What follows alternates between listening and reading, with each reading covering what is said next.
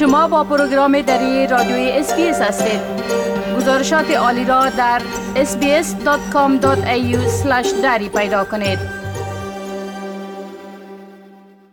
شنونده های عزیز یک مرکز مهاجرین و پناهندگان در ملبورن به نام Southern Migrant and Refugee Centre با کمک سازمان های Better Health استرالیا و South East Public Health Network یک پودکاست را درباره صحت روانی به زبان دری تهیه می کنند که هدف از آن کمک در حل مشکلات روانی پناهندگان و مهاجرین است.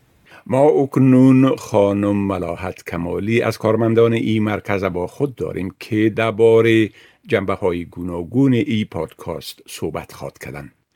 خانم ملاحت کمالی به برنامه دری رادیوی SBS خوش آمدین.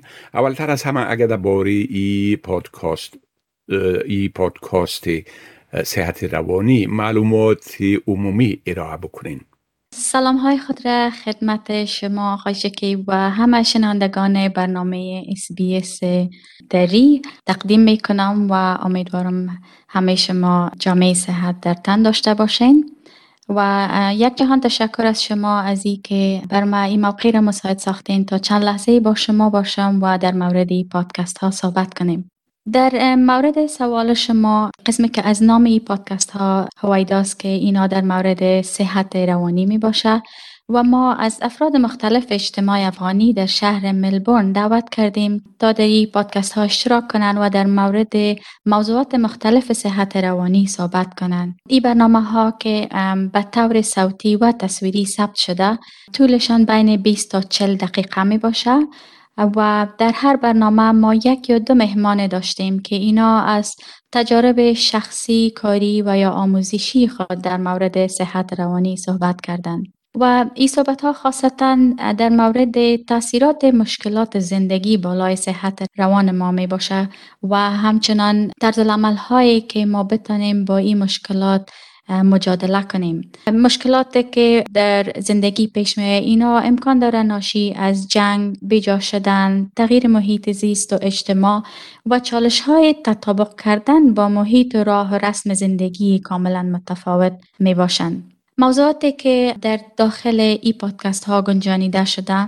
نه تنها بر هموطنان ما که دور از وطن هستند و تجربه های تلخ مهاجرت دارند بلکه بر هر کس در هر نقطه دنیا که دری صحبت می‌کنن می‌تونه که نکات آموزشی و ارزشمند داشته باشند بله خب چی انگیزه باعث شد که مرکز شما یعنی سادرن مایگرنت این ریفیوجی سنتر به تهیه ای پادکاست اقدام بکنن؟ با عباره دیگه ضرورت ایجاد ای پادکاست ها چی بوده؟ آقای شکیب قسمی که همه ما شما بر ما واضح است که یک امر واضح است که در کلتور افغانی چی در داخل مملکت ما و چی بیرون از افغانستان بر کسانی که در کشورهای غربی زندگی می‌کنن در محیط مدرن کلتوری زندگی می‌کنن هنوز هم در بین اجتماع افغان ها صحبت کردن در مورد صحت روانی با یک تعداد تعصبات، حساسیت ها و قضاوت ها مواجه است.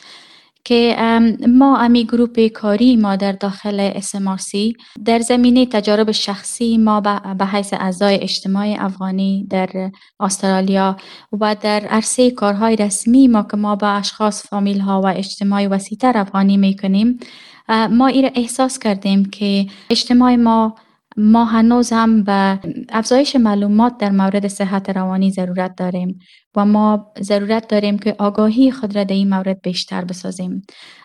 و خوشبختانه که ما یک موقع بسیار خوبه یک فرصت خوبه داشتیم از لحاظ کمک های مالی در از طرف دولت فدرال و دولت خود ویکتوریا که ما یک برنامه های را طرح ریزی کنیم که اونا یک زمینه را مساعد بسازه که افغان ها در یک محیط سالم و بدون حساسیت و تعصب در مورد صحت روانی صحبت کنند.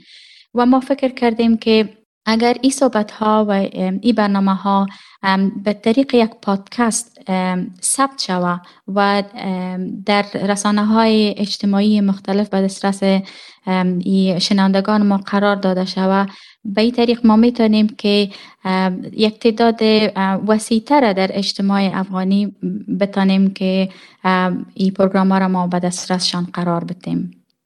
بله خب می‌تونین خانم کمالی ای را بگوین که به صورت مشخص در این پادکاست ها چی مسائل مطرح شده ما زیادتر کوشش کردیم که موادی که در داخل از است یا مسائلی که در این پادکست ها سر صحبت شد مسائل بسیار مرتبط به زندگی روزمره افراد باشه در محیط, محیط اجتماعی افغان ها.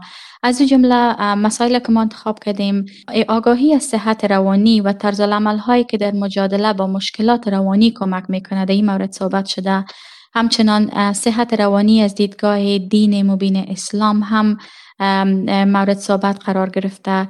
و اشخاصی که در این مورد صحبت کردن از خود اجتماع ما هستند که بسیار صحبت های بیغرزانه و واقعی بینانه کردن در این مورد همچنان در مورد صحت روانی نوجوانان تازه وارد شده افغان در استرالیا که این هم یک یک پرابلم بسیار بزرگ است که برای جوانای ما تاثیرات بیجا شدن زیادتر احساس میشه سر از و سر حالت روانیشان تاثیر زیادتر و عمیقتر می‌تونه داشته باشه همچنان در مورد مدیتیشن و mindfulness که mindfulness یعنی ذهن آگاهی که دو کلمه است که ما از زبان ها بسیار مشنویم و زیادتر در این مورد در لسان های دیگه صحبت میشه ما ایره در لسان خود ما در زبان دری در این مورد صحبت کردیم و به طور عملی هم نشان دادیم یک یک مقطع کوتاهش موضوع دیگه که در این پادکست ها در مورد صحبت شده اهمیت طلب کمک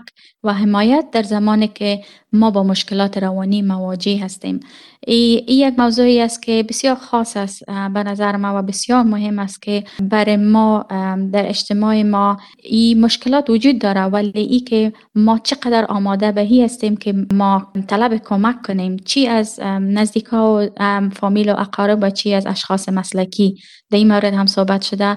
و همچنان همدردی و کمک با کسانی که با مشکلات تکالیف روانی مجادله می‌کنن یعنی ما به دیگران چی نوع می‌تونیم؟ کمک کنیم و چقدر ما می‌تونیم که درک کنیم مشکل از اونا را کسی که با مشکل روانی مجادله می‌کنه. و یک طرح Are You Okay? که بسیار یک طرح خوب و مفید است که چگونه ما می‌تونیم که به طور سالم با اشخاصی که در اطراف ما هست چی در فامیل چی در ساحه کار چی در اجتماع ما متوجه از این باشیم که آیا کسی زیاد در حالت است که توان مجادله با مشکلات روانی را نداره و ما چه قسم امرای اونا امی conversation یا امی صحبت شروع کنیم و چطور می‌تونیم که ما مشکلات از اونا را درک کنیم و کمکشان کنیم. بله خب می‌تونین بگوین که این پادکاست ها از چی طریق بعد از دسترس مردم گذاشته میشه این پادکست ها بسیار ساده می‌تونیم می‌تونن که به هموطنان ما ایره access کنن یا می‌تونن دست طریق رسانه های اجتماعی که مربوط Sudden Migrant and Refugee Center است یا SMRC و همچنان Better Place Australia که ای هم یکی از ارگان های خدمات اجتماعی است می‌تونن که به دست بیارن و همچنان South East Public Health Network یا سیمفن هم که یکی از ارگان های دولتی که است که به نمایندگی از دولت ویکتوریا در ساحه صحت عامه کار می‌کنه. اینا هم در تمام رسانه های اجتماعی خود این پادکست ها را به دسترس علاقمندان قرار میتن همچنان این ویدیوها در یوتیوب هم اپلود میشه. و در اپلیکیشن های پادکست ها یا پادکست اپس هم می‌تونن که علاقمندان ایره بشنون و یا ببینن. و می‌خواستم که یادآور شم که پادکست های ما هنوز هم در جریان تهیه و ترتیب هستند و در ختم همین ماه جون به دسترس علاقمندان هموطنان ما قرار خواهد گرفت. بله خب خانم ملاحت کمالی کارمند سدن مایگرنت این رفیوجی سنتر. از وقت شما به خاطر صحبت با برنامه دری رادیوی اس در مورد ای ابتکار سودمند برای پناهنده ها و مهاجرین از شما صمیمانه تشکر می کنم و موفقیت برتان می خواهیم. یک جان تشکر شما. بپسندید شریک سازید و نظر دهید. اسپیس دری را در فیسبوک تعقیب کنید